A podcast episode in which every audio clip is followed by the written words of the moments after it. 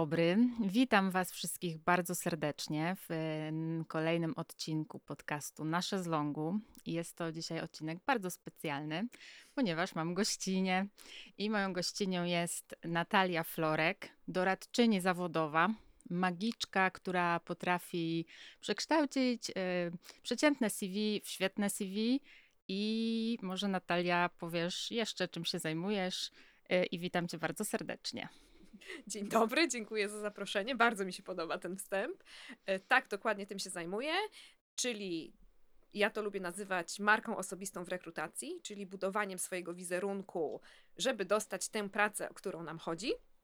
I dodatkowo taką drugą nogą tego, co robię, jest osadzenie tej pracy i w ogóle e, rynku pracy w przyszłości, czyli nazywam to, hashtaguję to future proofingiem, żeby myśleć o kompetencjach przyszłości, o tym, co się będzie działo e, za kilka lat, żeby mieć stabilne miejsce na rynku zawodowym w 2050 na przykład. No i sobie porozmawiamy dzisiaj w sumie o różnych tematach, bo porozmawiamy sobie właśnie trochę o tej marce osobistej, co to w ogóle jest, jak ją budować, jak konstruować trochę swój wizerunek w rekrutacji, żeby e, lepiej wypaść, e, ale o kompetencjach, o kompetencje przyszłości też zapytam, bo to jest bardzo ciekawy temat. Ale mm, może na początek mm, jak się wejdzie na Twoją stronę internetową, to jest właśnie Natalia Florek, personal branding. Mhm. To może zacznijmy od tego, czym w ogóle jest ten personal branding i to, to, mm, czy to jest właśnie budowanie marki osobistej? Co to w ogóle znaczy? O co w tym chodzi? Jest kilka takich fajnych cytatów, że na przykład marka osobista to jest to, co o tobie mówią ludzie, kiedy cię nie ma w pokoju. Yy, chyba Jobs, ale nie jestem pewna to do sprawdzenia. I to jest takie świadome kreowanie tego, żeby to, co mówią ci ludzie, kiedy cię nie ma, było takie, jakie chcesz, czyli no, zapewne pozytywne, a jeżeli mówimy w kontekście rekrutacji, to żeby dać ten przekaz, który chcesz dać. Bo innym takim cytatem, teraz już na pewno nie wiem, kto go powiedział, ale że marka osobista jest jak pogoda, czyli zawsze jest jakaś i na pogodę nie mamy wpływu, a na to, jaką mamy markę osobistą, możemy mieć wpływ, więc yy, dlatego trzeba o to dbać. Po prostu to nie jest tak, że jak się tym tematem nie zajmujemy, to znaczy, że tego po prostu u nas nie ma, bo nas to nie dotyczy. Zawsze markę osobistą mamy i yy, warto się nią zająć. A drugi temat jest taki, że coraz bardziej w rekrutacjach musimy myśleć o sobie, nie lubię tego porównania, ale jednak jako o produkcie albo jako o usługodawcy, który musi rozwiązać konkretny problem pracodawcy i tworząc odpowiednią markę osobistą, jest to łatwiej przekazać, że my jesteśmy odpowiednią osobą na to miejsce. Czyli po prostu trochę tak, że jednak musimy umieć się sprzedać. Zdecydowanie.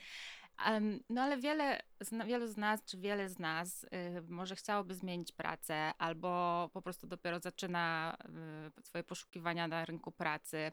No i przychodzi taki moment, że y, odświeżamy sobie to CV, albo właśnie myślimy o budowaniu swojego wizerunku, swojej marki osobistej i tak sobie często mam wrażenie, że jesteśmy tacy bardzo krytyczni, krytyczne wobec siebie, że jednak właśnie w sumie to niczego nie umiem, albo niewiele umiem, niewiele potrafię.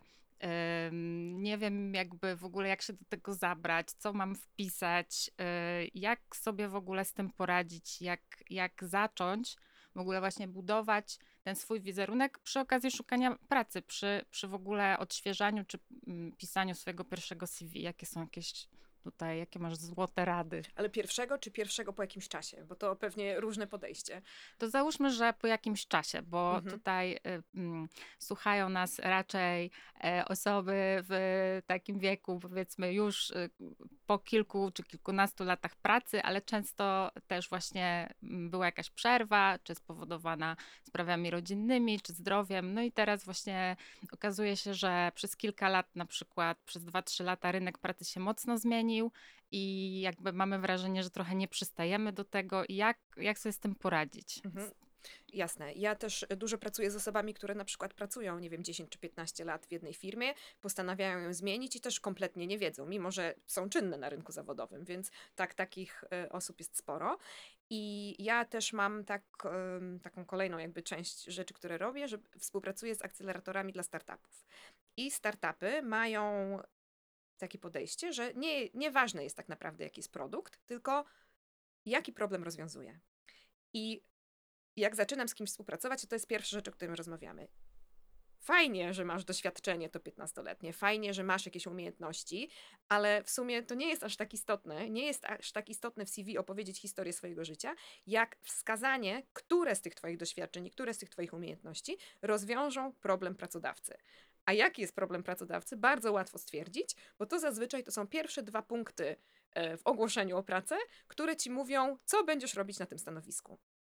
Jeżeli Mhm. jesteś w stanie nawiązać w CV, a jest to bardzo łatwe, e, do tych dwóch punktów, to to już nawiązuje taką nić, że, e, że możesz być odpowiednią osobą na to stanowisko. Więc raczej myśleć o sobie w kontekście właśnie sprzedania się i produktu, który, czy usługi, które rozwiązuje problem pracodawcy, a nie o sobie, Boże, co ja potrafię, co ja mam tutaj napisać i od czego zacząć. W ogóle punktem wyjścia powinien być pracodawca i ogłoszenie. Czyli zawsze trzeba sobie spersonalizować, dopasować CV pod konkretne ogłoszenie, a nie, że mamy jeden szablon i rozsyłamy do 200 miejsc. To, to samo. Tak, to jest właśnie ten, y, to, to się często słyszy i to jest teraz na rynku pracy na aplikowanie jak najbardziej tak, aczkolwiek takim małym druczkiem można sobie aplikować na grupę stanowisk, bo Mhm. jednak to nie jest tak, że jedna osoba aplikuje na kompletnie skrajne pozycje, tylko są jakieś tam wspólne cechy, więc y, ja często robię tak, że odpalam sobie ileś ogłoszeń na to stanowisko, jakby tworzę taką syntezę i wtedy można rzeczywiście wysłać na na przykład, nie wiem, 10, ale nie, a na pew- ale na pewno nie na 200.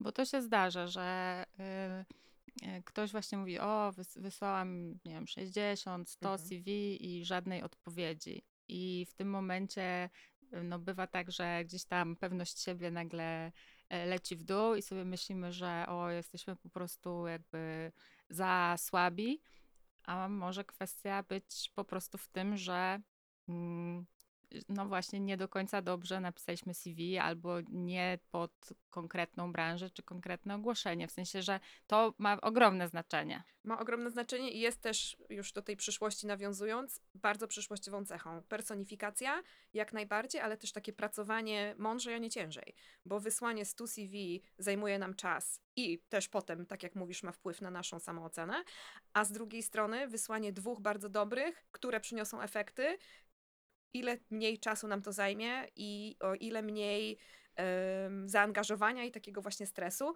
a z trzeciej strony zawsze trzeba to jakby odwrócić y, na inną percepcję, czyli czy my lubimy dostawać spam. Jak ja dostaję na przykład, nie wiem, ofertę fotowoltaiki, a mieszkam w kamienicy stuletniej i o, o, ob- objętą ochroną konserwatorską i w życiu nigdy tego nie sprawdzę, no to znaczy nigdy tego nie kupię, no to mam takie, dobra, kasuję. I to jest tak samo z takim niedopasowanym CV. Po prostu jest spamem. A jak to jest z tym takim trochę podkolorowywaniem pewnych faktów czy umiejętności? No bo chcemy się dobrze zaprezentować. Yy, Chcemy pokazać też na przykład swoje osiągnięcia, co nam się udało, co, co, gdzie mieliśmy sukces. Yy, Gdzie jest ta granica, jakby w sensie, ym, czy można trochę w CV tak naprawdę nakłamać? Myślę, że nie. Bo to ma, znaczy w ogóle nie należy kłamać. To ma krótkie nogi, to się zawsze zemści i w sumie oprócz takiego podbudowania naszego ego niczemu nie służy, bo może przynieść y, dużo gorsze efekty niż założyliśmy, kiedy się wyda, że jednak tych y, cech czy też tych rzeczy nie mamy. Natomiast taką y, rzecz, żeby przemilczeć coś, na przykład, nie wiem, jakiś nieudany projekt czy trzy miesiące w jakimś miejscu, co nie jest związane z miejscem, na które aplikujemy, to wtedy nie mam z tym aż takiego problemu, bo to nie traktuję tego jako kłamstwa, tylko po prostu oszczędzanie czasu rekrutera poprzez ominięcie rzeczy, które są nieistotne.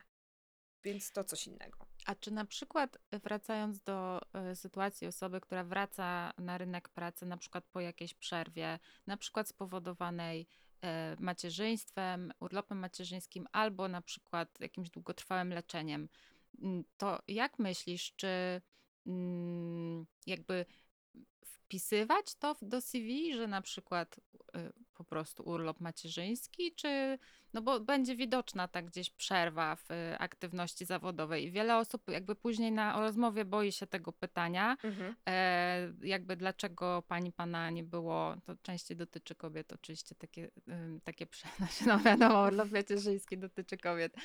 E, jakby skąd, skąd ta przerwa, co się działo i że jest to jakieś stresujące. Jak sobie tutaj z tym poradzić? Pytania o przerwy będą niezależnie od tego, czy napiszemy, czy one tam są, czy nie. ale niestety nadal jesteśmy bardzo dyskryminującym środowiskiem. Wielu pracodawców jeszcze e, dyskryminuje szczególnie kobiety e, pod względem tego, że jeżeli są matkami, to będą chodziły na zwolnienia i tak dalej. Nawet taki mm, nieświadomy ten bias może być. Mhm. Więc dużo zależy od tego, jaki jest pracodawca. I y, pisząc takie celowane CV do konkretnego pracodawcy, też się go sprawdza. I jeżeli wyczujemy, że to jest pracodawca, który może być akceptujący dla tego typu rzeczy, to ja bym wpisywała, bo i tak ten temat się pojawi na pewno na rozmowie. Ale jeżeli to jest coś, co mogłoby nas, mogłoby spowodować jakieś uprzedzenia, to wtedy nie. Mhm. Tak jak, nie wiem, no nie piszesz już od dawna wieku, stanu cywilnego i tak dalej, z wielu przyczyn. Ja też jestem na przykład przeciwniczką zdjęć w CV, bo y, to też jest powodem do dyskryminacji bardzo dużym, więc y, ostrożnie, Mhm. o tak. O, Ze zdjęciami to nie wiem. Ja na przykład dodaję, bo mi się po prostu bardziej podoba wtedy to CV. Jest ładniejsze na pewno. E, ale zdaję sobie sprawę, że mm, no, może być to też właśnie różnie odbierane i e, no, wszyscy mamy e, właśnie te bajasy. Jakie to jest polskie słowo? No ja też właśnie, już się tak... Nie, to nie jest to samo. No w każdym razie taki filtr, że Mhm. Mm, e, czytałam, że no to jest tak, że wybieramy podobnych do siebie, Mhm. czyli tu e, zależy kto nas rekrutuje. Tak. Jeśli to jest młodsza osoba, to pewnie będzie mm, jakby no bardziej w stronę młodszych kandydatów spoglądać. Jeśli starsza, to w stronę starszych i, i, i tak dalej. Czytałam o tym, że może być uprzedzenie naprawdę z powodu prawie każdej rzeczy, Mhm. która się znajduje w tym dokumencie. Mhm. W stylu, nie wiem, zainteresowań nawet. Tam cały był wątek na ten temat, więc E, tak. Wczoraj, wczoraj w, jakimś serialu usłyszałam takie zdanie, jak y, wygląda nabór, no tu chodziło o danie do y, Narodowej Orkiestry i że instrumentalista lub instrumentalistka grają za parawanem, który Mhm. jakby nie, nie przepuszcza światła, więc komisja jakby nie widzi, kto gra, czy kobieta, czy mężczyzna i wybiera Mhm. po prostu po umiejętnościach. No ale w normalnym szukaniu pracy nie da się tego zrobić, więc zawsze gdzieś tam te naleciałości będą. Czytałam o firmie informatycznej, gdzie rekruterzy i rekruterki przekazywały tylko doświadczenie. Żadnych danych. Dostawali jakby takie ocenzurowane w sumie CV, żeby mieć tylko kompetencje. No właśnie, to by w sumie ciekawe, jak gdyby wszędzie tak było, to jakby wyglądało zatrudnianie, y, podział chociażby między właśnie płciami. No badań jest mnóstwo, że jak się jest imię, które bardziej brzmi etnicznie, to akurat w anglojęzycznych krajach, to dużo gorzej są e, osoby zatrudniane, bo ludzie myślą, że ta osoba jest innego Mm. koloru skóry na przykład. No. Straszne. No właśnie. Mm. No ale wracając, wracając jeszcze do tego naszego CV, to co jeszcze warto y, tam sobie wpisać? Bo mówiłaś o tym, ym, ym, jaki problem ja jestem w stanie Mhm. rozwiązać w firmie, do której aplikuję, ale jak to ubrać w słowa? Co, y, co wybić w tym CV? Co zrobić, nie wiem, tłustym drukiem? Jeśli na przykład, jeśli też nie mamy doświadczenia, które jakby odpowiada bardzo stanowisku, na które Mhm. aplikujemy, bo na przykład chcemy się przebranżowić, albo właśnie yy, yy, chcemy spróbować w, trochę w innym środowisku, no albo na przykład też osoby, które zaczynają swoją w ogóle karierę i to już są te dowcipy o rekrutacji na stanowisko stażysty z pięcioma latami Mhm. doświadczenia. Tak. No ale jeśli właśnie ktoś jakby nie ma takiego idealnego pod ogłoszenie doświadczenia, to jakby co może pomóc? Może pomóc wyszczególnienie umiejętności. Na pewno. Ja zazwyczaj staram się zmieścić na jednej stronie, chociaż to nie jest y, wymogiem. I tam jest taki krótki, krótki profil zawodowy, który mówi właśnie ten problem, który ci rozwiąże, przyszły pracodawco. Potem jest doświadczenie. I tam, jeżeli nie da się dopasować idealnie do tego przyszłego stanowiska, to zaczynamy od tego z naszego poprzedniego doświadczenia, co można dopasować. Czyli najważniejsze rzeczy na górze, bo też bardzo mało czasu jest poświęcane temu CV. Tam się mówi o tych legendarnych 6 sekundach, ale z tego, co najnowsze badania mówią, to to jest nawet mniej. Po prostu chwila, rzucam okiem, czy to jest fajne, czy nie i, i koniec. Więc jeszcze trzecią taką sekcją, którą zawsze daję, są umiejętności i one są po kolei jakby od najważniejszych, które odpowiadają na potrzebę pracodawcy. Z tym skanowaniem to też słyszałam, że nie wiem na ile to jest prawdą, że już w dużych firmach to pierwszy odsiew robi tak no, automat. Tak, jak najbardziej. Szuka po mhm. jakichś tam słowach, kluczach. Tak, ale to też nie jest tak, że w ogóle człowiek tego nie zobaczy. To jest jednak nadal no, czynnik nadzieję. ludzki. Czynnik ludzki jednak jest. Mam nadzieję. W tym wszystkim. Chociaż były takie, które nie, nie, nie było czynnika ludzkiego i to się nie sprawdziło. To jakie są te umiejętności dzisiaj tak bardzo pożądane na rynku pracy? Takie powiedzmy uniwersalne, gdzieś tam cross, yy, które przydadzą nam się yy, jakby w, w, w, różnej pracy, na różnych stanowiskach, w różnych firmach. Yy, te, te umiejętności, które no, będą, są i będą potrzebne przez najbliższe lata? Mhm. Bardzo trudne pytanie, bo ich jest bardzo dużo, ale to są takie rzeczy, które trochę nam pokazały ostatnie lata, czyli umiejętność takiego szybkiego i w sumie pozytywnego reagowania na zmiany. Czyli, że nagle, jeżeli, nie wiem, wybucha pandemia albo wybucha wojna, to jesteśmy w stanie dostosować swoje działania, decyzje i sposób postępowania do tego, co, co się wydarzyło i jak to wpłynęło bezpośrednio na nas. Wszystkie miękkie rzeczy, dlatego że one nie są, nie da się ich zautomatyzować póki co. Czyli kreatywność, czyli komunikacja taka mm, bardzo klarowna, umiejętność argumentacji. Co tam jeszcze w tych miękkich? taki piękny twór jak inteligencja emocjonalna, czyli umiejętność takiego wyczucia innych osób, wczuć takiej empatii też, więc wszystko, co nie kojarzy nam się z maszynami. A z drugiej strony wszelkie, mm, wszelkie to się nazywa mm, digital literacy, czyli umiejętność jakby cyfrowa, taka biegłość. O, pięknie, dużo lepiej po polsku to mhm. brzmi nawet. Czyli y, nie sama obsługa komputera, ale taka umiejętność szybkiego pojmowania, jak działają procesy, uczenia się nowych rzeczy, rozumienia aplikacji, takiego po prostu wsiąknięcia w to, no bo te światy coraz bardziej się przenikają, a wręcz to będzie niedługo ten jeden wspólny świat w realu i wirtualu. E, pisałaś właśnie na swoim blogu, że e, powinniśmy sobie zadawać takie pytanie, a czego się dzisiaj nauczyłam, nauczyłam. Właśnie, tak. I że mhm. Mm, jakby żyjemy w świecie, w którym będziemy się no, musieli uczyć nowych rzeczy mhm. E, właściwie do końca życia, jeśli będziemy chcieli no, dalej jakby ten świat rozumieć i w nim pracować. I że to też jest ta umiejętność właśnie, mówisz digital literacy, czy, czy w ogóle uczenia się takiego lifelong learning, tak. że to jest też niezbędne. Zdecydowanie miałam e, niedawno szkolenie, gdzie musi być na każdym szkoleniu mądry cytat i ja tam e, cytowałam Alwina Tofflera, futurologa, że analfabetyzmem naszych czasów nie będzie nieumiejętność czytania, tylko właśnie nieumiejętność uczenia się, oduczania się i uczenia się na nowo. Czyli nie dość, że się będziemy ciągle uczyli nowych rzeczy, to jeszcze na dodatek będziemy musieli zapominać to, jak coś, co było dla nas wcześniej oczywiste, działa, bo ono zacznie działać w inny sposób. Że cały czas wszystko będzie poddawało się zmianie i tym procesom. Więc tak, to umiejętność uczenia się, ta zwinność jest super ważna. Słyszałam też taki pogląd, że e, jakby będziemy musieli w pewnym momencie skończyć z takim poglądem, że nie wiem, 60 czy 65 lat, bam, emerytura, do widzenia, dziękuję, bo będziemy pracować dłużej. Yy, również dlatego, że po prostu będziemy żyć coraz dłużej, będziemy chcieli, e, przynajmniej część z nas jeszcze e, będąc sprawnymi e, fizycznie i umysłowo, wykorzystać to, co wiemy, swoje doświadczenie, umiejętności i że mm, no, jakby będziemy musieli utrzymać nasz mózg w dobrej formie po prostu jak najdłużej. Tak, jak najbardziej. Oczywiście, że tak. I nawet można porównać, jak wyglądały nasze babcie, jak miały, nie wiem, 60 lat, a jak teraz wyglądają 60-latki. No, dzisiaj 60 to nowe 50, czy już nowe 40? No, myślę, że no, bardzo to się szybko zmienia. tak. No. E, tak.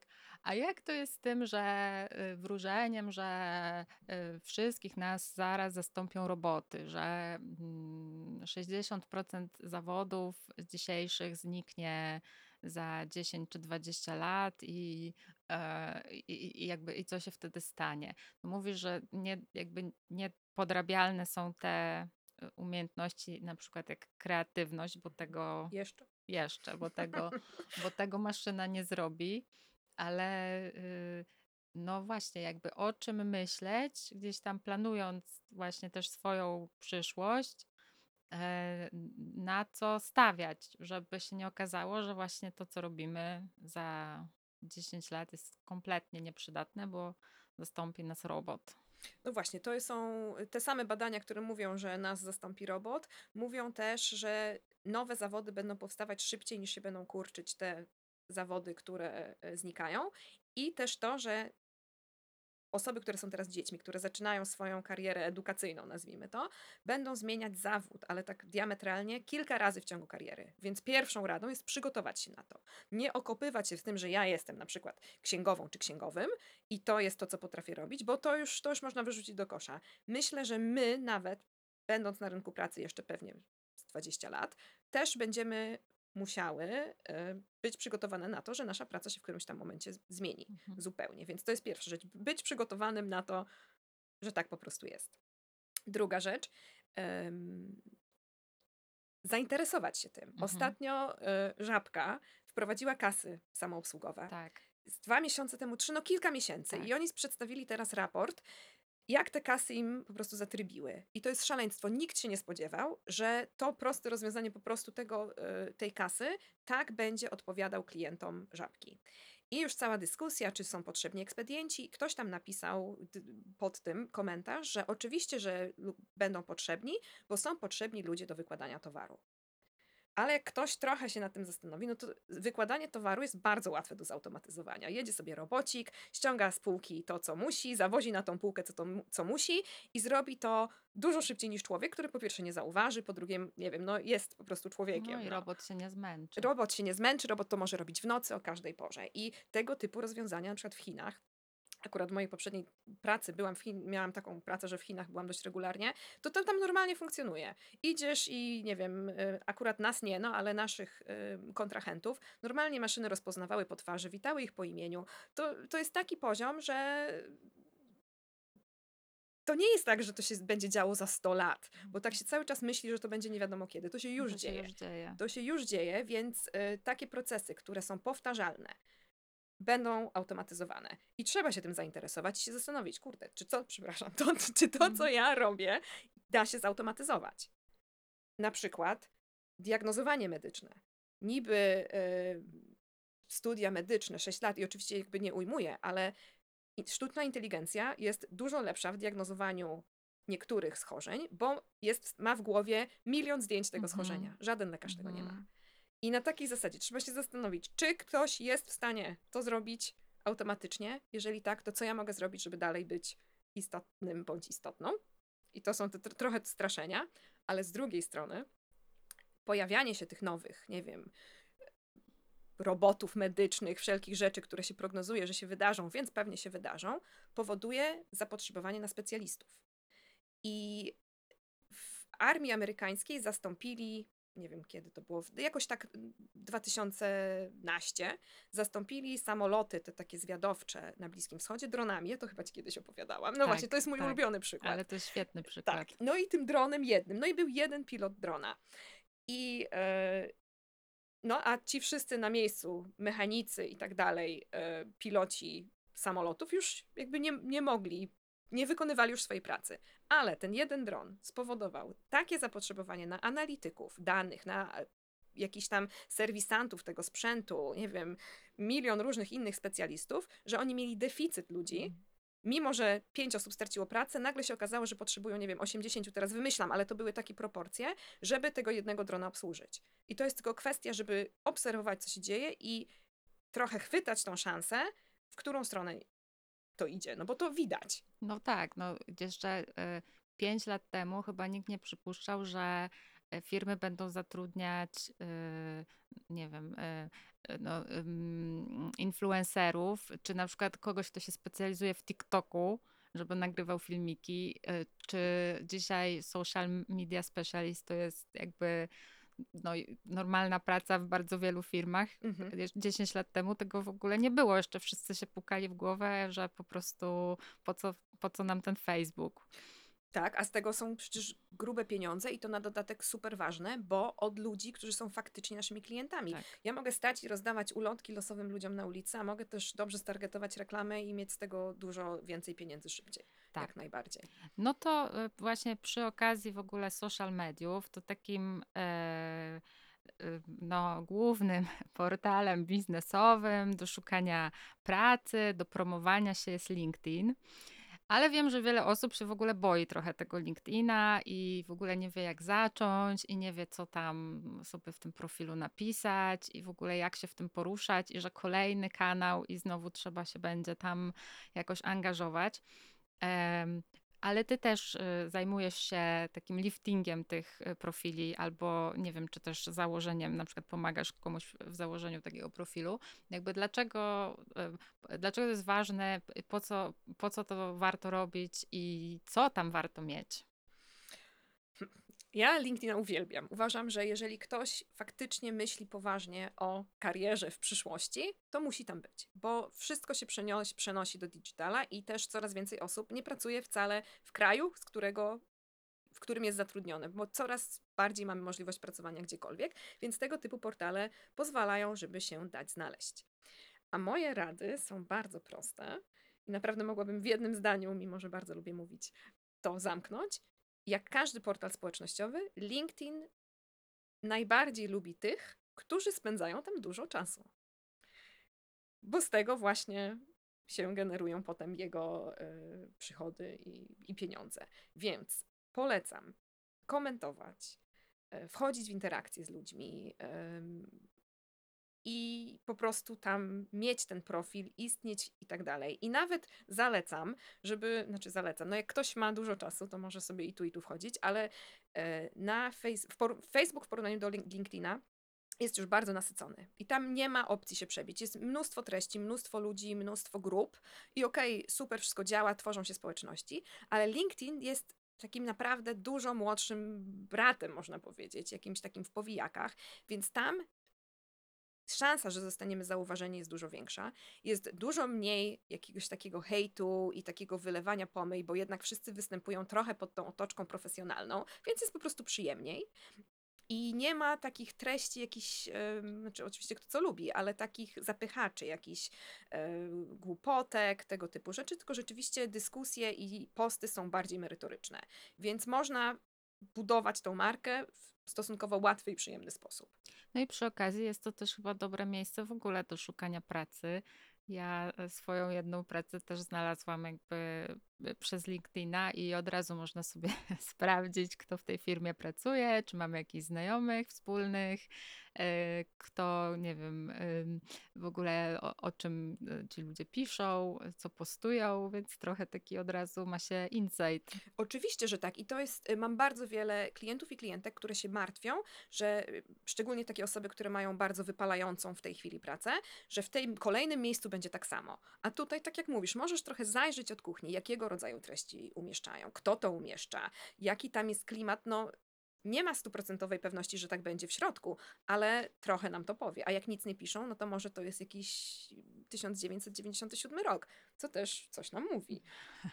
No właśnie, no właśnie, dobrze powiedziałaś, że też można zobaczyć, co pracownicy piszą. Jasne. Zazwyczaj obstawiam, że jeśli mają pisać, to pewnie piszą raczej dobrze, że y, no nie wiem, tu mi przychodzi do głowy akurat przykład Netflixa, może nie najlepszy, bo ostatnio chyba były też spore zwolnienia w Netflixie, ale e, wpis e, kobiety, która opisała właśnie swoją historię zatrudnienia w Netflixie i zatrudnili ją, jak była w ósmym miesiącu ciąży. Też to widziałam, no. E, I zebrała pod tym postem no, jakieś tam setki tysięcy chyba Mhm. lajków. E, No tak naprawdę świetny przykład i dla employer brandingu super, no na plus. Tak, i y, takie rzeczy myślę, że światopoglądowe też można zobaczyć. Że y, nawet polityczne, mimo wszystko. Że nie, nie jest to tak jawnie polityczny portal, ale jednak pewien sposób wypowiadania się. A myślę, że to jest bardzo ważne jednak w pracy, żeby czuć się bezpiecznie. Yy, też ma znaczenie. No dobrze, no to załóżmy, że y, odpisywaliśmy swoje CV, odświeżyliśmy profil na LinkedInie, wysłaliśmy super spersonalizowane właśnie takie pod konkretną ofertę, pod konkretną firmę. No i idziemy na rozmowę kwalifikacyjną. Czy mamy online rozmowę, bo to dzisiaj chyba mm, cały czas bardziej powszechne. Mm. Więc y, no, rozmowa to jest taki moment, że albo możemy wygrać, albo możemy się pewnie pogrążyć, tak. mimo dobrego CV. Y, to czego nie robić y, na rozmowie kwalifikacyjnej? Miałaś też, zdaje się, taki wpis na blogu kiedyś, czego właśnie na rozmowie nie robić, jak sobie nie popsuć tego, zakładamy, że dobrego wrażenia, które zrobiło nasze CV. Ja tam myślę, że pisam takie rzeczy jak nie przeklinać i nie spóźniać się i takie podstawowe rzeczy związane z dobrym wychowaniem. E, I to jest ważne, jak najbardziej. Przywitać się, przyjść na czas, e, wiedzieć jak w jakiej jest się firmie, takie podstawowe rzeczy. A z takich dodatkowych, nie wiem, protipów, które można by e, tutaj powiedzieć, to jest mieć cały czas w głowie, że zapewne jest jakaś konkurencja i że wszyscy mamy podobne kompetencje na tym etapie, dlatego jesteśmy na tej rozmowie, a teraz chodzi bardziej o dopasowanie do zespołu i do przełożonego. Więc trochę trzeba wyczuć klimat, czy jest chemia, czy jej nie ma. To jest jedna rzecz. Druga rzecz jest ta taka, żeby pamiętać o tym, że cały czas to dobre wrażenie z CV, które pokazywało, że rozwiązujemy konkretny problem, trzeba utrzymać. Więc w każdą, jak się da, e, odpowiedź wplatać jak my ten problem rozwiązujemy, albo dlaczego my jesteśmy odpowiednimi osobami na to stanowisko. I na przykład pierwsze pytanie najczęściej jest, dlaczego chce pani, pan zmienić pracę? No i wtedy 95% przypadków. E, dlaczego nie jest dobrze tam, gdzie jesteśmy teraz? Potem historia trochę o chce się rozwijać, o własnych ambicjach, kropka. A trzecia część to takie już podprogowe, przełożenie tego naszych kompetencji do ich wymagań. A oprócz tego na przykład potrafię robić to, to, to i to i widzę, że tego typu umiejętności przydadzą się na tym stanowisku. I już w pierwszym pytaniu nawiązujemy, ok, dlaczego chcemy zmienić, o własnych motywacjach, ale też o tym, że ta firma jest y, odpowiednia dla nas, bo spełniamy ich wymagania. Mhm. No właśnie, bo to jest chyba taki błąd też, że y, cza czasami się jakby nie robi też y, większego researchu na temat tej firmy i potem jak przychodzi to pytanie, a czy ma pan, pani jakieś pytania i my mówimy, że nie, mhm. Y, no a w sumie powinniśmy mieć. Tak, zawsze trzeba mieć pytania.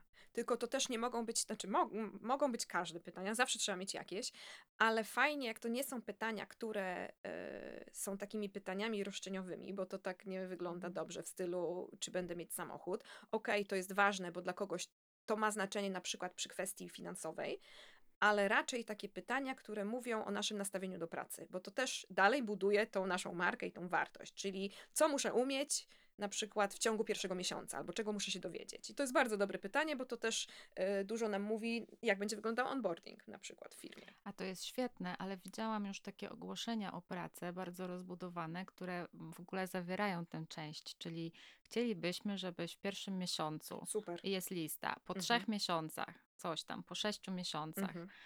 I no, to jest w ogóle już jaka kopalnia wiedzy, co my w ogóle tam będziemy robić, bo mm, chyba ze statystyk też wynika, że e, dużo osób rezygnuje jakby w tym pierwszym okresie tak. pracy.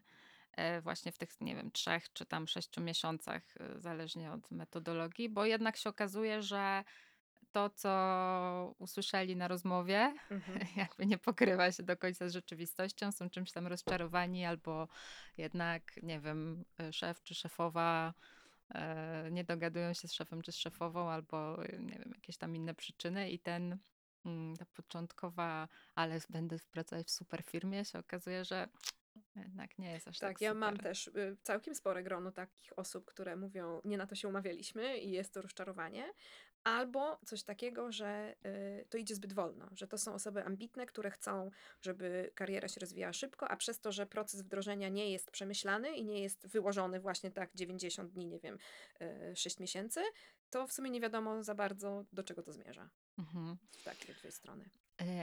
No ale jakby powiedzmy, że e, kontynuując tutaj ten wątek e, e, jakby kolejnych kroków właśnie w zdobywaniu pracy, że dosyć nam się podoba, już się zadomowiliśmy w firmie i jest to dobrze, nie wiem, pracujemy już kilka miesięcy, rok, półtora roku.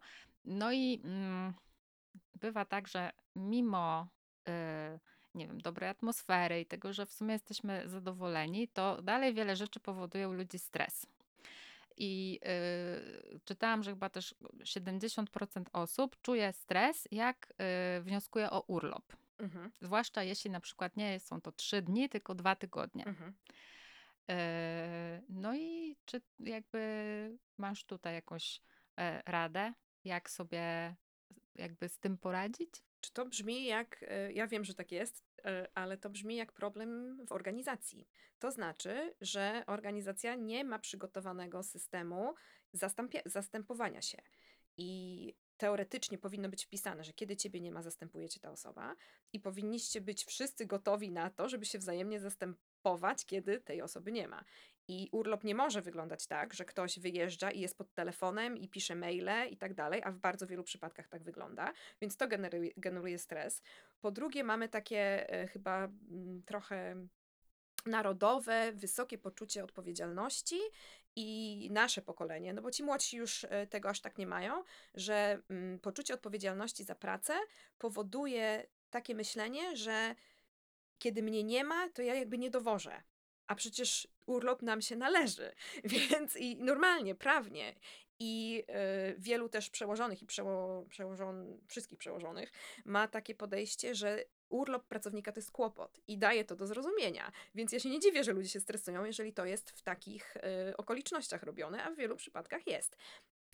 Moja rada jest chyba jedyna taka, żeby znowu zdać sobie z tego sprawę, że to nie jest normalne i trochę się tym nie przejmować, y, zrobić swoje, czyli przygotować jakby kto, skończyć to, co się ma do skończenia w miarę możliwości, przygotować, kto się tym będzie zajmował, kiedy nas nie będzie i po prostu iść. Telefon wyłączony, mail wyłączony i koniec, no bo to trzeba po prostu, wymaga zmiany myślenia. O. To tak samo jak y, mam poczucie, że podobnie jest z pójściem po prostu na zwolnienie, jak jesteśmy chorzy. Jasne. Y, I dzisiaj jest to tym trudniejsze, że jeśli pracujemy z domu, to w sumie myślimy sobie, no okej, okay, no i tak jestem w domu, czuję się fatalnie, ale w sumie może coś popracuję. A tymczasem mi też bardzo trudno przychodzi uświadomienie sobie, że jakby mam prawo być chora. Tak. Po prostu. I już. I mam prawo się jakby wtedy wyłączyć. I trudno, no, poradzą sobie kilka dni beze mnie. Oczywiście, że tak. I jeszcze. Yy nie powinno być żadnych konsekwencji tego, że ktoś choruje, no bo to jest zupełnie normalne, ale czasami bywają. Ale z drugiej strony, jakby niezadbanie o swoje zdrowie może powodować gorsze konsekwencje później, jakiegoś wypalenia zawodowego, powikłań itd. Tak no tak, to jest też ogromny temat. E, wypalenie zawodowe, może na inny odcinek. E, ja doświadczyłam, e, myślę, że chyba nawet to było tak, że doświadczyłam, ale myślałam, że jeszcze jakoś dam mhm. radę wrócić i potem się okazało, że jednak nie. Um, ale to, to, to może na inny raz.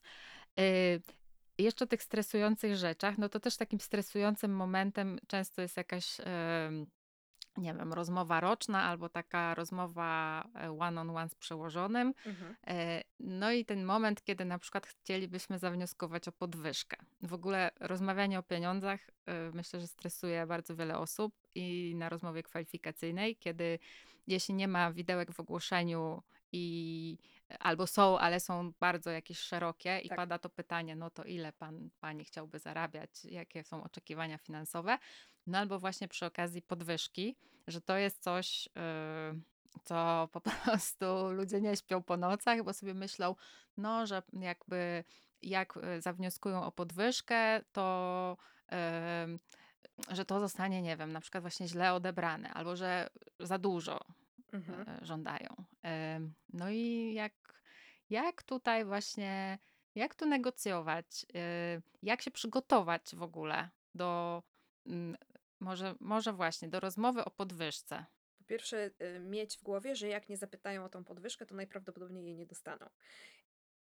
Więc to y, warto pytać. Szczególnie, że okej, okay, znowu wiele organizacji nie jest przygotowana na takie rozmowy i tak samo na y, feedbackowanie jest nieprzyjemne, bo osoby nie są na to przygotowane, ale jednak trzeba to zmieniać i też trzeba trochę o swoje zawalczyć. Ale ja jeszcze wrócę do tego, zupełnie inaczej byśmy podchodzili do rozmowy o pieniądzach na rozmowie mhm. kwalifikacyjnej mhm. i w pracy. Na rozmowie kwalifikacyjnej podaje się kwotę i jak najmniej ozdobników, jak najmniej tłumaczeń, bo im więcej się tłumaczymy wokół tej kwoty, tym ona się staje taka mniej wiarygodna. Mhm. My się po prostu wyceniliśmy na taką kwotę. Fajnie by było znać widełki, ale jeżeli ich nie ma, no to są strony, które jakieś tam widełki są mniej więcej. Wiemy, ile teraz zarabiamy.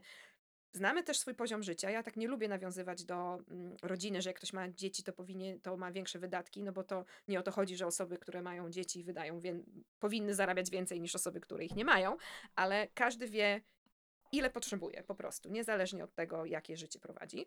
Więc mamy swoją kwotę, mówimy ją, koniec. Jeżeli firma negocjuje, to wejdą w negocjacje. Jeżeli bardzo przestrzeliliśmy, no to sorry, ale też z drugiej strony, czy poszlibyśmy za dużo mniej? Raczej nie. Więc y, myślę, że dużo, ludzie dużo za dużo o tym myślą. Mhm. Mówię, koniec załatwione. To jest na rozmowie krótka piłka. W pracy, z drugiej strony, dokładnie odwrotnie. Jeżeli chcemy dostać podwyżkę, to yy, przede wszystkim research. W dużych firmach zazwyczaj podwyżki budżetowane są w zupełnie innym momencie niż yy, oceny roczne. A jakoś tak w głowie się utarło, że idę na tą ocenę roczną i wtedy o tym rozmawiamy.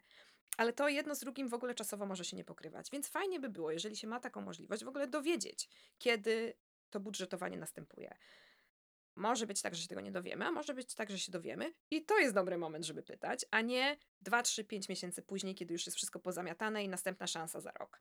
Więc to, taki, jakby zrobić sobie grunt pod to. Po drugie, zastanowić się, co takiego powoduje, że chcemy tą podwyżkę. Jeżeli to jest na przykład wzięcie kredytu czy pojawienie się nowego dziecka, no to to nie jest dobry powód. No bo w pracy nie oceniają naszych decyzji życiowych, tylko oceniają nasze kompetencje. Więc z takimi, tematami, takimi powodami lepiej nie wyskakiwać, a jest to bardzo częste, 100%. Za to fajnie jest przedstawić listę swoich osiągnięć. Na przykład pokazanie, co robisz na, na stanowisku juniorskim, co nie obejmuje stanowiska juniorskiego, a obejmuje to takie wyższego stopnia. Albo co robisz ponad swoje zwykłe obowiązki. Albo jakie sukcesy, albo ile, jakby najlepiej w liczbach, żeby pokazać, co takiego powoduje, że ty uważasz, że zasługujesz na podwyżkę. Bo często jest tak, że twój przełożony albo przełożona może tego w ogóle nie wiedzieć. Ma taki ogólny ogląd, że jesteś spoko, fajnie pracujesz, przynosisz efekty, ale w konkretnych punktach i liczbach wcale tego nie wie. I wtedy, kiedy jesteśmy tak przygotowani i robimy to w odpowiednim momencie, szanse znacznie wzrastają. Y, ważne to, co powiedziałeś, że jak nie zapytamy, to E, właściwie mm, praktycznie jest, można być pewne, że jakby nie dostaniemy. W sensie, że jeśli nie spytasz, odpowiedź y, może zawsze brzmieć nie, a mhm. jeśli spytamy, no to najwyżej ryzykujemy, że no może właśnie, nie wiem, nie w tym roku, albo jeśli usłyszymy, że jakby nie ma mowy, mimo udokumentowanych E, działań czy sukcesów, no to może wtedy czas poszukać jednak innego Oczywiście, miejsca ale tak pracy. tak samo z aplikowaniem. No nie dowiesz się, czy ci tam wezmą, czy nie, jeżeli nie złożysz tam papierów, po prostu. I to jest chyba tak do wszystkiego się tyczy. Tak. Z tą rozmową rekrutacyjną to dla rekrutera, dla rekruterów podobno to też jest najbardziej stresujący moment, jak oni pytają e, e, kandydata o pieniądze. O pieniądze mhm. No bo bywa tak, że przychodzi ktoś, kto jest naprawdę świetny i jest ten feeling, jest chemia, wszystko się zgadza i jakby już w głowie jest chcemy go, czy chcemy ją. No i potem jest ten stres, ile, mhm. ile powie, jaką sumę poda, bo może się okazać, że firmy zwyczajnie nie będzie stać na tę osobę. Ale to jest bardzo ciekawe, co mówisz, bo bar, naprawdę podawanie widełek.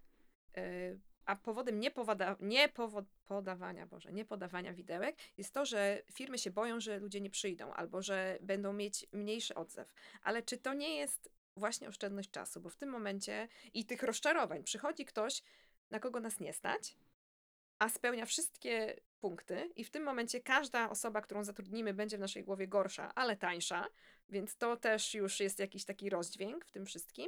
Plus każda rekrutacja to jest koszt. Nie tylko czas, ale też koszt. No to po co w ogóle wydawać pieniądze na z góry przegrane sprawy, kiedy bardzo prostym zabiegiem można się od tego uwolnić. Ja, ja tego nie rozumiem. Ja też bardzo bym chciała, żeby wszędzie były po prostu widełki.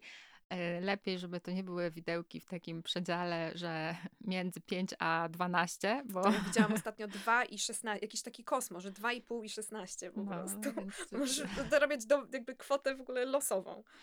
Tak, i e, fajnie, że coraz więcej firm je publikuje, zwłaszcza no, w sektorze IT to chyba już jest też taki, taki naprawdę mało która firma ich, ich nie podaje, e, bo chyba ułatwia to y, życie wszystkim. Mm, no ale właśnie, y, myślę, że to jest też tak, że firmy czasami się mm, jakby boją, no bo są na przykład mniejsze na, nie wiem, y, w jakiejś początkowej fazie rozwoju i wiedzą, że nie są w stanie na przykład zaoferować takich pieniędzy jak na podobnym stanowisku gdzieś indziej, mhm. ale mają, nie wiem, może jakieś inne plusy, bo no, pieniądze są ważne, ale pieniądze to nie wszystko, bo jednak praca nawet za świetną kasę w miejscu, którego nienawidzimy szczerze, no to jakby za długo pewnie się w tym, w te, ja bym nie wytrzymała. No. Ja się zgadzam w 100%, to tym bardziej bym podawała wtedy widełki, mm. bo jeżeli oni chcą, aspirują do tego, żeby płacić tak rynkową kwotę w przyszłości, to nie mogą sobie pozwolić na wywalanie kasy w błoto na jakieś bezcelowe rekrutacje. E, no dobra, a mm, jest, wiem, że jesteś też taką orędowniczką myślenia w ogóle o zmianie i że mhm. mm, jeśli właśnie, że, że, że jakby nie ma się co tak bardzo bać tej zmiany, bo e, to jest też problem, który ma wiele osób, że są, są w jakiejś firmie, ja sama miałam ten problem, gdzieś tam pracują, no i jest tak powiedzmy, no jak to się mówi, y, stabilnie, ale mhm, ujowo. Mhm. I no, że w sumie gdzie indziej to ja wcale nie wiem, czy jest lepiej. No tutaj jest tak sobie, ale przynajmniej, no nie wiem, jest ta pensja na czas i mogę o 16 wychodzić do domu. W sumie nie jest tak źle, no robię jakieś nudne rzeczy albo nie rozwijam się, ale boję się tej zmiany. Wiele osób tak myśli, po mhm. prostu. Jest ten strach przed tak. zmianą. Um, I przed tym, że właśnie pójdziemy gdzieś indziej i będzie na przykład jeszcze gorzej. E, jak przestać tak myśleć? Jak się zmotywować do myślenia, że zasługujemy na coś lep lepszego niż stabilnie, ale chujowo? Mhm. Nie mam pojęcia. nie mam pojęcia, ale też, też by, byłam w tym miejscu, też myślę, że właściwie wszyscy w którymś momencie byli w tym miejscu. E, mi, mogę o sobie powiedzieć, bardzo pomogło jakby jednak zainteresowanie się tym, że bycie w sytuacji stabilnie, ale nie podejmuje zmian, jest po prostu niebezpieczne długoterminowo, bo ja będę stała i nic się nie będzie zmieniało w moim życiu, więc nagle się okaże, że jestem zbędna, bo nie umiem jednak tych nowych rzeczy, nie umiem reagować na zmiany i, i tego typu rzeczy, więc trochę tych zmian jakby sama sobie, yy, trochę sobie wymusiłam na sobie.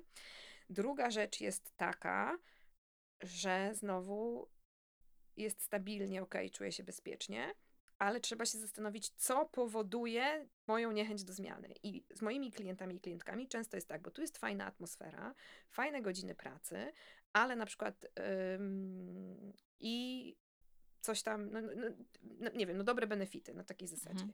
I wtedy rozmawiamy, no dobra, ale żadna z tych rzeczy nie jest związana z tym, co robisz. I co? I ile lat jeszcze będziesz robić coś, czego tak naprawdę nienawidzisz, bo masz fajne koleżanki. A co jak te koleżanki odejdą? Mhm. I to jest takie, jakby trzeba nadać temu perspektywę, że co mnie tu trzyma i sprawdzić, może naprawdę ta trawa jest bardziej zielona u kogoś innego. I jeszcze druga rzecz jest taka, no to jak tam nie będzie fajnie, to co?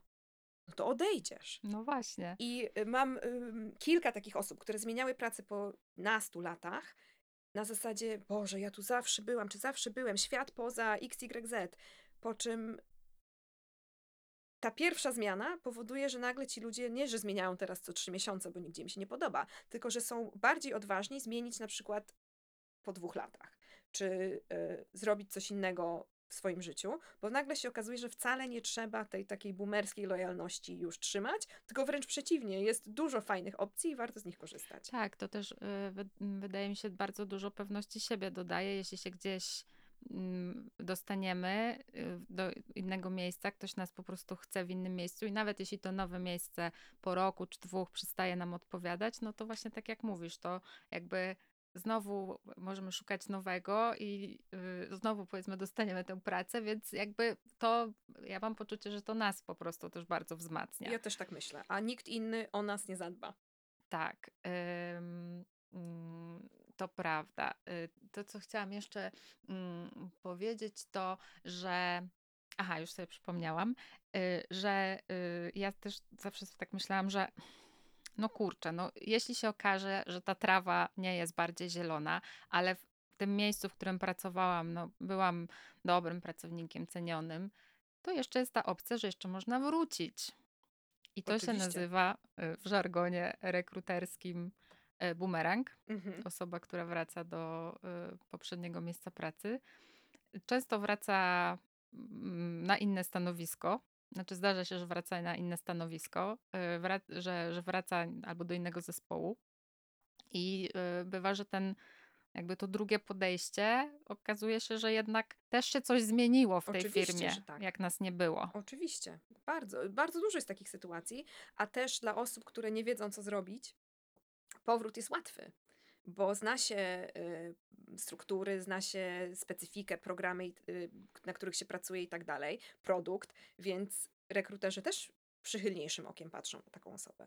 Chyba, że tam coś zmajstrowała, zmalowała, no ale to są jakby jednostkowe No przypadki. tak, ale jeśli się zostawia jakby dobre wspomnienie, dobre wrażenie po sobie, to potem, żeby wrócić, y, no ja sama znam kilka, kilka co najmniej takich mhm. osób, które właśnie wracały, bo chciały trochę spróbować czegoś innego. Okazywało się, że no jednak nie do końca to jest to i wracały często w ogóle na lepszych warunkach. Oczywiście, bo ja jakby od nowa wtedy mhm. negocjuje się e, wynagrodzenie i jakieś tam dodatkowe e, benefity na przykład. Tak. To jeszcze tak nawiązując do tego y, doświadczenia rekrutacyjnego, właśnie rozmów kwalifikacyjnych i żargonu rekruterów, no to jeszcze chciałam na koniec porozmawiać o jednym zjawisku, które zdarza się chyba, e, właśnie nie wiem, czy zdarza się często, ale zdarza się, czyli o tak zwanym ghostingu w mhm. rekrutacji. Zdarza się bardzo często. Czyli, że y, no właśnie, ale czy ten ghosting jakby, co, co to w ogóle jest? Może, może wyjaśnisz. Ghosting wzięło się jak wiele w rekrutacji z randkowania, z randkowania. bo to jest trochę takie randkowanie. I polega na tym, że po tym pierwszym spotkaniu Albo też, no tak, no zazwyczaj mówimy o tym już po rozmowach, bo tak. CV, że nie ma odpowiedzi na CV, no to to nie jest fajne, ale nie jest jednak ghostingiem, chociaż mogło, mo, mogłaby, można by było to, pod, to podciągnąć. I po spotkaniu, po rozmowie mm, nie ma kontaktu zniknął, stał się duchem e, ten rekruter, rekruter. ta firma. Mhm. Nie ma żadnego kontaktu, aczkolwiek był taki moment, kiedy tak się piało o rynku pracownika i szczególnie w IT było tak, że był ghosting ze strony kandydat, kandydatów, bo jednak w IT byli to głównie mężczyźni, programiści, ale też pewnie kandydatek, że po rozmowach z kolei oni nie odpowiadali na oferty. Mhm. Więc działa to w dwie strony, ale jednak bardziej dotyczy y, ghostowania kandydatów i kandydatek przez, y, przez firmy. Czyli, że po, po prostu po, po rozmowie jest cisza i nie wiadomo, co się dzieje. Tak.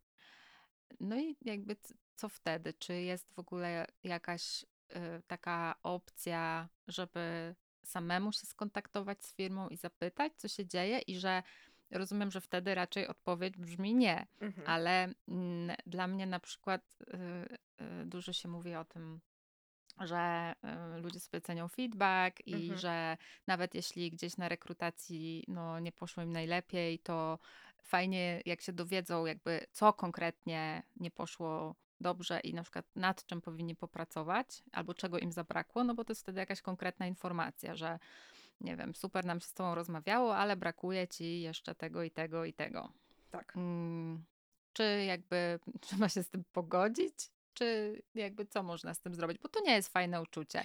Zwłaszcza mhm. jeśli włożyliśmy gdzieś y, dużo czasu i energii, bo no, dzisiaj rozmowy rekrutacyjne to potrafią trwać mm, po kilka godzin i to nie jest przyjemnie, jeśli jakby nie ma potem w ogóle kontaktu. Nie jest i też y, dużo mówiłyśmy dzisiaj o samoocenie i takim poczuciu pewności Tak. siebie i to też jest zawsze cios. Tak. Więc ja jestem zwolenniczką brania sprawy w swoje ręce, ale też w taki mądry sposób, że jak trzeba się pogodzić, to trzeba się pogodzić, ale mam w sobie trochę takiej buntowniczki, że też trzeba edukować, że tak się po prostu nie robi. Mhm. I ja rozumiem, że często to jest tak, że osoba, która wysyła te maile, że jednak nie, to jest, albo nie wiem, otrzymuje te maile, ej, dlaczego do mnie się nie odzywacie, to jest zupełnie inna osoba niż ta, z którą rozmawialiśmy.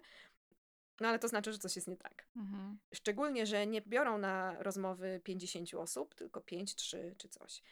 I e, z, miałam też takie sytuacje akurat e, z jednym chyba klientem i e, no zadzwoniliśmy po prostu, dowiedzieliśmy się o co chodzi. I okazało się, że mm, urlopy, restrukturyzacja często są powody. I ten proces dalej trwał i po prostu e, się przedłużył. Okej, nie poinformowali go o tym słabo, ale finalnie jakby nie było tak, że nie odzywali się do niego, bo, e, bo, nie chodzi, bo coś zrobił źle. Więc warto się dowiedzieć, bo to może być jedna z tych, z tych, z takich wersji i warto się dopytywać, żeby trochę pokazać tym ludziom, że sorry, ale nie na to się umawialiśmy, że tak, Mhm. tak się po prostu nie robi. Tak, też widziałam, że niektóre firmy już pokazują w ogłoszeniu jakby harmonogram rekrutacji i czasami nawet widać, że to może też potrwać, nie? Właśnie, Że na przykład to oczywiście. może, nie wiem, na przykład 4 czy 5 tygodni nawet może potrwać i wtedy, no ale wtedy wiemy, że po prostu trzeba czekać. No i to jest wtedy okej, to jest wtedy fair. Ja widziałam nawet ogłoszenie, na którym było napisane We don't ghost. Więc to jest Mm. naprawdę już yy, no plaga w sumie. Chyba tak, chyba tak. E, No, jest to ciek- ciekawy, ciekawa też dziedzina e, w ogóle, tak jak widzę, jak się rozwija w ogóle e, w HR-ze rekrutacja i zwłaszcza w, sektorze, w sektorach, które rosną w IT, Mhm. na przykład, jak, e, mm, e, że, że to jest już, zaczynają się robić takie też wąskie specjalizacje, no bo oprócz umiejętności jakby, które powinien mieć każdy rekruter, no to gdzieś tam idzie jakaś y, część wiedzy merytorycznej, którą warto mieć działając w jakiejś branży, ale jest to dla mnie po prostu fascynujące, jak to się y, rozwija i jaką rolę w ogóle w organizacji y, y, no, HR-y i, i w ogóle i rekrutacja zaczynają mieć, że tak się wydaje, że kiedyś no to y, nie wiem, że rekrutacja, że w sumie taka no prosta rzecz, Mhm. a no nie do końca. No. I to z obu stron. Tak, tak. I de- dobrze podjęta decyzja ma też kluczowe znaczenie finansowe, bo wdrożenie człowieka, zrekrutowanie kosztuje, wdrożenie kosztuje, a potem jak ten człowiek się nie sprawdzi, no to jeszcze raz w to gramy. I Mhm. cały czas jest też nieobsadzony wakat, który również Mhm. kosztuje.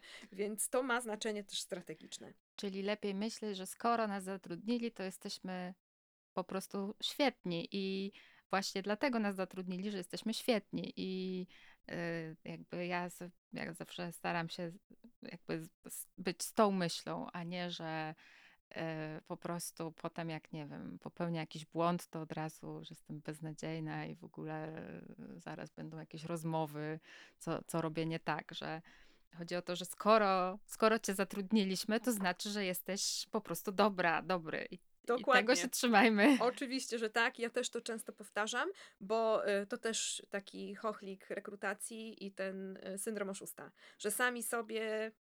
Y, Właściwie nawet myślę, że to by się lepiej nazywało syndrom oszustki, bo Mhm, to mhm. kobiety robią sobie częściej, y, że nie jesteśmy wystarczająco dobre. A jesteśmy. A jesteśmy, jesteśmy, jesteśmy wystarczająco świetne. Tak, Tak. tak. Em, bardzo Ci dziękuję. E, Do Was wszystkich, jeśli chcielibyście podrasować swoje CV, przygotować się do zmiany pracy albo do rozmowy rekrutacyjnej, to nataliaflorek.pl, Twoja strona Tak jest, zapraszam. Y, Zajrzyjcie sobie, jest y, oferta, dużo różnych ciekawych rzeczy, bo nie tylko konsultacje, ale masz też kursy. No te y, kursy masz tak też, ostatnio, ale tak, jest masz dużo też dużo, rzeczy. masz też dużo darmowej wiedzy na blogu, Tak. y, więc y, warto zajrzeć. Y, No i cóż, no, kończymy ten odcinek. Y, Dziękuję Ci raz jeszcze. Ja również. Było świetnie. Myślę, że jeszcze jakaś dogryweczka, może e, kiedyś o wypaleniu zawodowym na przykład. E, To też ciekawy temat. No a tymczasem żegnamy się i do usłyszenia. Dziękuję bardzo.